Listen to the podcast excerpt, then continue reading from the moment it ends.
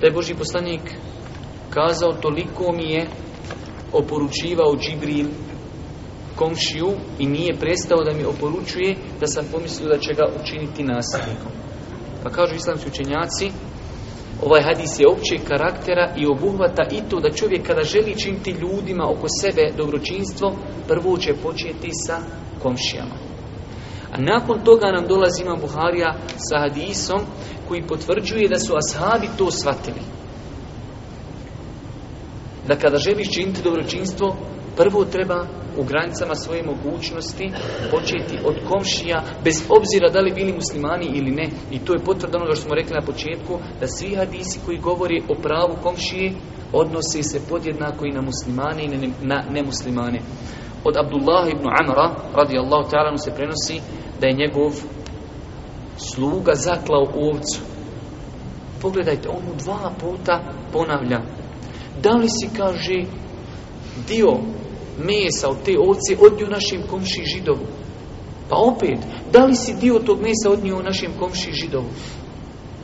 I onda on kaže, ja sam zaista čuo Božih poslanika da kaže, toliko mi je oporučivao Džibril, bravo komšije, da sam pomislio da će ga učiniti nasljednikom. I nije prestao da mi ga oporučuje.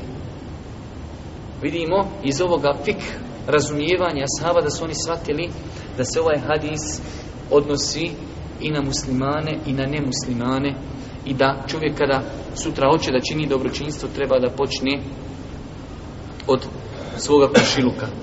Opet, nakon toga, znači, imam Buharija, rahmetullahi alaih, citira isti hadis, znači, od Aiše, radijallahu ta'ala anha. Nakon toga dolazi do poglavlja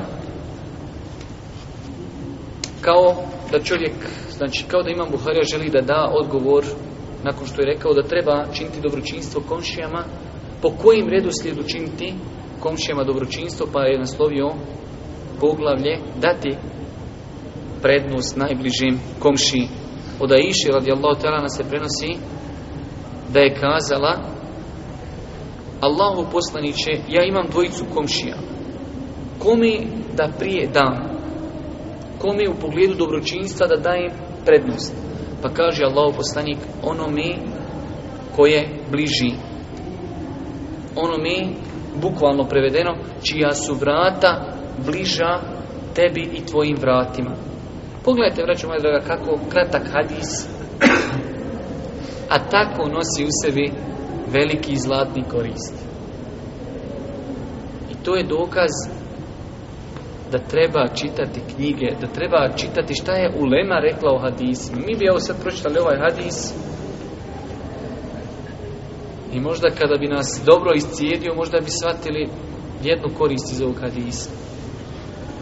Ali kada vidite šta učinjaci govore znači onda je to nešto drugo. Pogledajte prva stvar, da ovo ukazuje na to koliko su oni pažnju pridavali komši. Do te mjere da ona pita, strahuje da ne bi napravila kakav prekršaj, kaže Allah poslaniće, koji komšija ima kod mene veća prava? Već zna da imaju velika prava, ali koji komšija ima veća prava? Želim nekom da dam poklon, ali ne mogu dati svima. Imam jedan poklon, imam dvojicu komšija. Kome da ga dam? Kaže Allah poslanik, prioritetniji je onaj koji je bliži. Čak islamski činjaci pokušavaju da odgonijetnu zašto. Kaži, nekada iz razloga što onaj koji je bliži zaista je bliži u svakom pogledu i više zna što se dešava u tvojoj kući. Onaj možda koji je malo dalji, on tebe nije vidio kada si prošao s pijaci i kada si nju pune kese kući. Ali onaj koji je bliži možda je vidio. I onaj tamo dalji, on ne zna da ti imaš nešto u kući. Ali ovaj bliži zna. Onaj koji je dalji možda ne čuje kada se kod tebe roštilja. Ali onaj bliži Boga mi rekozi zida a što komšo roštilja, ništa komšo roštilju i završu i sutra dan, ali ne, Bog ne posla Boga njemu ni jedan ćevapić. Zato se daje bliži. Zato što on više u toku. Zato što on zna više, hajde imamo podataka o tebi i onome što se dešava u tvojoj porodici od onoga koji je dalje.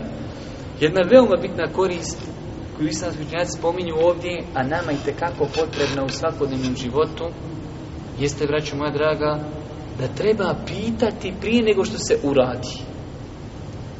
Ja sam ovih dana malo se, hajde kažemo, aktivirao, čitao sam velik broj fetava, na stotine fetava, u jednom poglavlju sam želio malo da neke stvari, hajde kažemo, istražim, pa sam zaista, znači, čito mnogo na tu temu.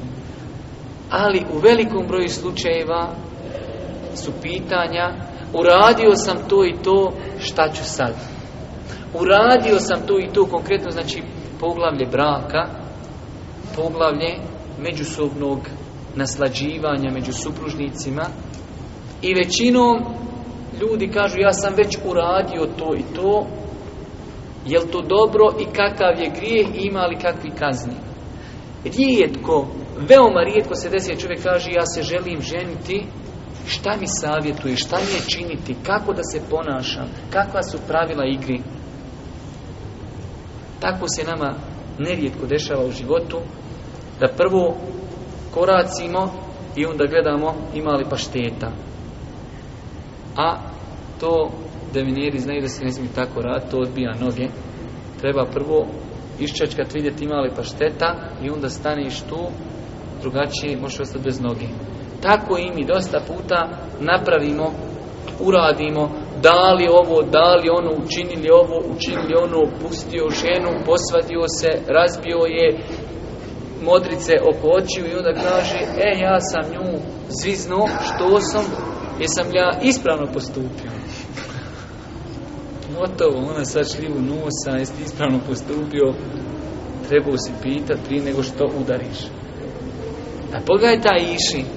I to, hajde da kažemo, iako je to veliko pitanje, ali opet, u odnosu kako veliki stvari ima, to je sitno pitanje. Kojim komšita dati hediju?